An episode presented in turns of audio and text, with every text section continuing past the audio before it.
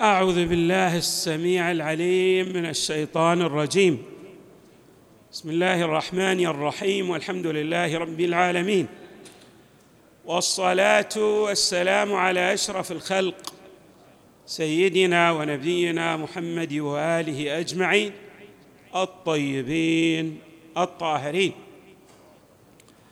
قال الله تعالى في القرآن الكريم الله أعلم حيث يجعل رسالته. صدق الله العلي العظيم. من المباحث العقائدية الهامة في الفكر الإسلامي بل في الفكر الديني بنحو عام المسائل المتعلقة بالنبوة. النبوة كما يعرفها علماء العقائد هي لطف خاص بمعنى أن الله تبارك وتعالى من لطفه بعباده يرسل إليهم أنبياء ورسل ليقربوهم إلى الطاعة ويبعدوهم عن المعصية. وقد ورد هذا المعنى في كلام النبي صلى الله عليه وآله والأئمة من أهل البيت بأجمعهم بمعنى تبيان حقيقة النبوة العامة التي هي لطف. وكما أن علماء العقائد لهم أبحاث مفصلة في إثبات ضرورة وجود أنبياء. بمعنى أن الإنسان لا يمكن أن يستغني بعقله في الوصول إلى الله بالنحو السليم والصحيح. وحتى نقرب الفكرة إنسان إذا صنع جهازا من الأجهزة ترون يضع مع الجهاز كتالوج. يبين الكيفية للمستخدم كيفية استخدام ذلك الجهاز. الله تبارك وتعالى عندما أبدع هذا الخلق وبرأه أيضا جعل برامج في للإنسان في كيفية التعامل مع مفردات الخلق من ناحية وكيفية التعامل للإنسان مع نفسه من ناحية ثانية وكيفية التعامل للإنسان مع بارئه وخالقه من ناحية ثالثة.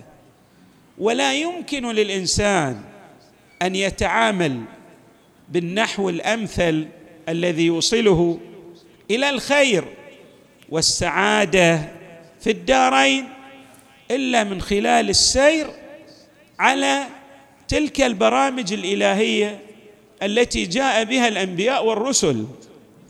بمعنى أنه يمكن للإنسان أن يتقدم ماديا ولكنه ممكن أن يخفق من الناحية المعنوية.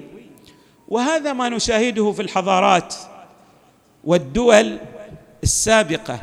هناك يعني دول تقدمت من الناحية المادية ولكن ذلك التقدم الهائل والكبير والمبني أيضا على تقدم علمي واقتصادي انهار بمعنى انه لم يستطيع لم يستطع الاستمرار والديمومة وذلك يرجع إلى الإخفاق في الجانب المعنوي. اذا هناك ضرورة لبعثة الرسل والأنبياء. إمامنا أمير المؤمنين عليه السلام له كلمة جميلة يقول فبعث إليهم أنبياءه وواتر إليهم رسله ليستأدوهم ميثاق فطرته وليذكروهم منسي نعمته. ثم يقول وليثير لهم دفائن العقول. بمعنى أن الإنسان لديه طاقات هائلة في عقله. ولكن هذه الطاقات الهائلة التي توصله إلى كماله المعنوي عليها ركام من الغبار والأتربة. لا يستطيع أن يزيل ذلك الركام ويصفي تلك المرآة التي توصله إلى الحق تبارك وتعالى إلا من خلال الاتباع الدقيق لمناهج الأنبياء والرسل. هذا المبحث يسميه العلماء في الأبحاث العقدية بمباحث النبوة بشكل عام. هناك مبحث ثاني يرتبط بهذا المبحث أيضا يسميه علماء العقائد بحث النبوة بشكل خاص بمعنى أننا نحتاج إلى إثبات نبوة أي نبي بنحو خاص.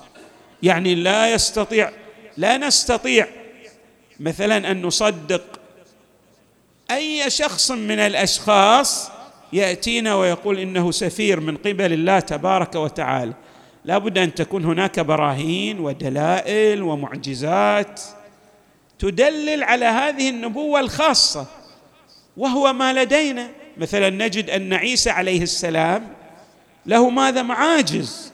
إبراهيم كذلك موسى وهلما جرى في بقية الأنبياء والرسل. طبعا نحن نحتاج إلى أبحاث معمقة ودقيقة في النبوة بشكل خاص. لماذا؟ لأن طبيعة الإنسان هي الجدل والمحاجة ولا يسلم بالأدلة مهما بلغت في قوتها ومتانتها ودلالتها على المطلوب. ويمكن أن تأتيه الشبهات من حيثيات متعددة ومن نواح شتى. ولذلك ترون مثلا في أزمنة الأئمة. كان هناك من أهل الكتاب من يشكل على نبوة النبي صلى الله عليه وآله فيقدم المعصوم عليه السلام الإجابة الشافية ويوضح البرهان القوي الدال على نبوة المصطفى صلى الله عليه وآله. الصديقه الزهراء عليها السلام في خطبتها مباحث دقيقة جدا. ولعلي لا أبالغ إذا قلت إن الصديقه الزهراء عليه السلام ملأت هذه الخطبة بجميع معارف القرآن الكريم. جميع المعارف بل بجميع المعارف التي جاءت في الكتب السماوية. على وجازة هذه الخطبة ولكنها ملأة ممتلئة بالمعارف الكبيرة والعظيمة من نواح متعددة يعني فيها مباحث عقدية ترتبط بالجانب العقدي وفيها مباحث فلسفية توضح فيها الصديقة الزهراء عليها السلام فلسفة بعض الأحكام التي جاء بها الإسلام وفيها مباحث اجتماعية. وهناك مباحث في هذه الخطبة تاريخية أيضا تتعلق بالجانب التاريخي للإنسان في الجزيرة العربية من ناحية خاصة وللإنسانية بشكل عام من ناحية عامة. يهمنا في ذكرى ولادة الصديقة الزهراء عليه السلام أن نقرأ مقطعا من المقاطع الجميلة التي تستعرض فيها الصديقة الزهراء عليها السلام مبحث النبوة طبعا هي استعرضت هذا المبحث العقدي اللي هو مبحث النبوة بالنحوين المختلفين بالنحو العام الذي يرتبط بنبوة الأنبياء ورسالة الرسل عبر التاريخ للإنسان وأيضا استعرضت نبوة المصطفى صلى الله عليه وآله بشكل خاص بالنحو الخاص. شوف ماذا تقول الصديقة الزهراء عليها السلام في هذا الشأن.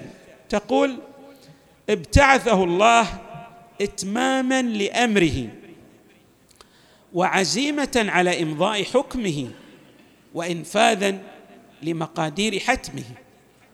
فرأى الأمم فرقا في أديانها عكفا على نيرانها عابدة لأوثانها منكرة لله مع عرفانها. فأنار الله بأبي محمد.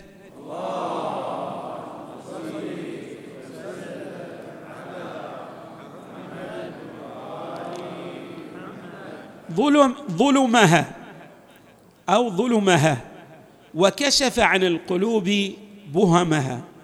وجل عن الأبصار غممها وقام في الناس بالهداية فأنقذهم من الغواية وبصرهم من العماية وهداهم إلى الدين القويم ودعاهم إلى الطريق المستقيم. طبعا كما قلت كل مقطع هو دائرة معارف ملأى بالدروس. الصديقة الزهراء تختزل جميع المطالب في عبارات موجزة ولكني أشير بنحو من الاقتضاب والاختزال الشديدين إلى بعض النقاط الهامة. عندما تقول مثلا ابتعثه الله إتماما لأمره. بمعنى هناك برامج للبشرية منذ بداية خلقها. ونهاية البرامج هي الرسالة السماوية للمصطفى صلى الله عليه وسلم. منذ آدم إلى خاتم الأنبياء هناك برامج إلهية لكن هذه البرامج استكملت على يد المصطفى صلى الله عليه وآله إتماما لأمره. وهذه التمامية للأمر بمعنى أن هذه الرسالة الخاتمة أخذ فيها كل التقدم الحضاري والفكري والعلمي والثقافي والاقتصادي وما إلى ذلك من الأمور.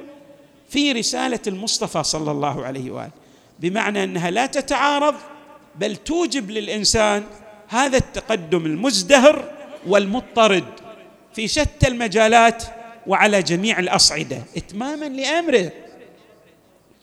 وعزيمة على إمضاء حكمه. هذه الرسالة لا كما يتصور بعض الناس بأنه يعني ممكن للإنسان أن يترك هذه الأحكام الدينية ومع ذلك يصل إلى الله أو يحقق سعادته.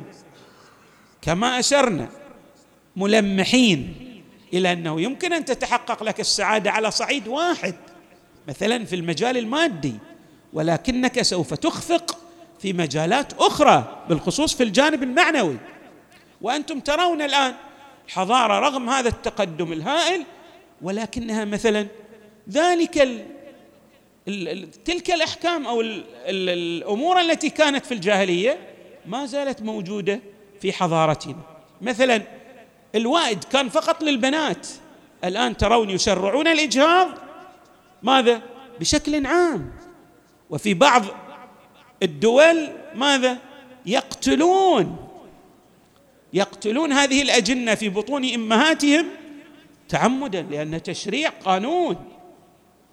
يعني نفس تلك الأفكار التي كانت تؤثر سلبا على الإنسانية آنذاك ما زالت من الناحية المعنوية موجودة في حضارة الإنسان المتقدمة على الصعيد المادي ولكنها أخفقت في إيجاد الحلول من الناحية المعنوية للإنسان. كيف تقتل جنين في بطن امه بأي مبرر من الناحية؟ الشرعية كما نعبر يعني. طبعا يجيزون لأنفسهم أن يقتلوا هذه الأجنة ومع ذلك يدعون الحفاظ على حقوق الإنسان. وليت شعري كيف نجمع بين هاتين أو بين هذين الأمرين؟ وانفاذا لمقادير حتمه.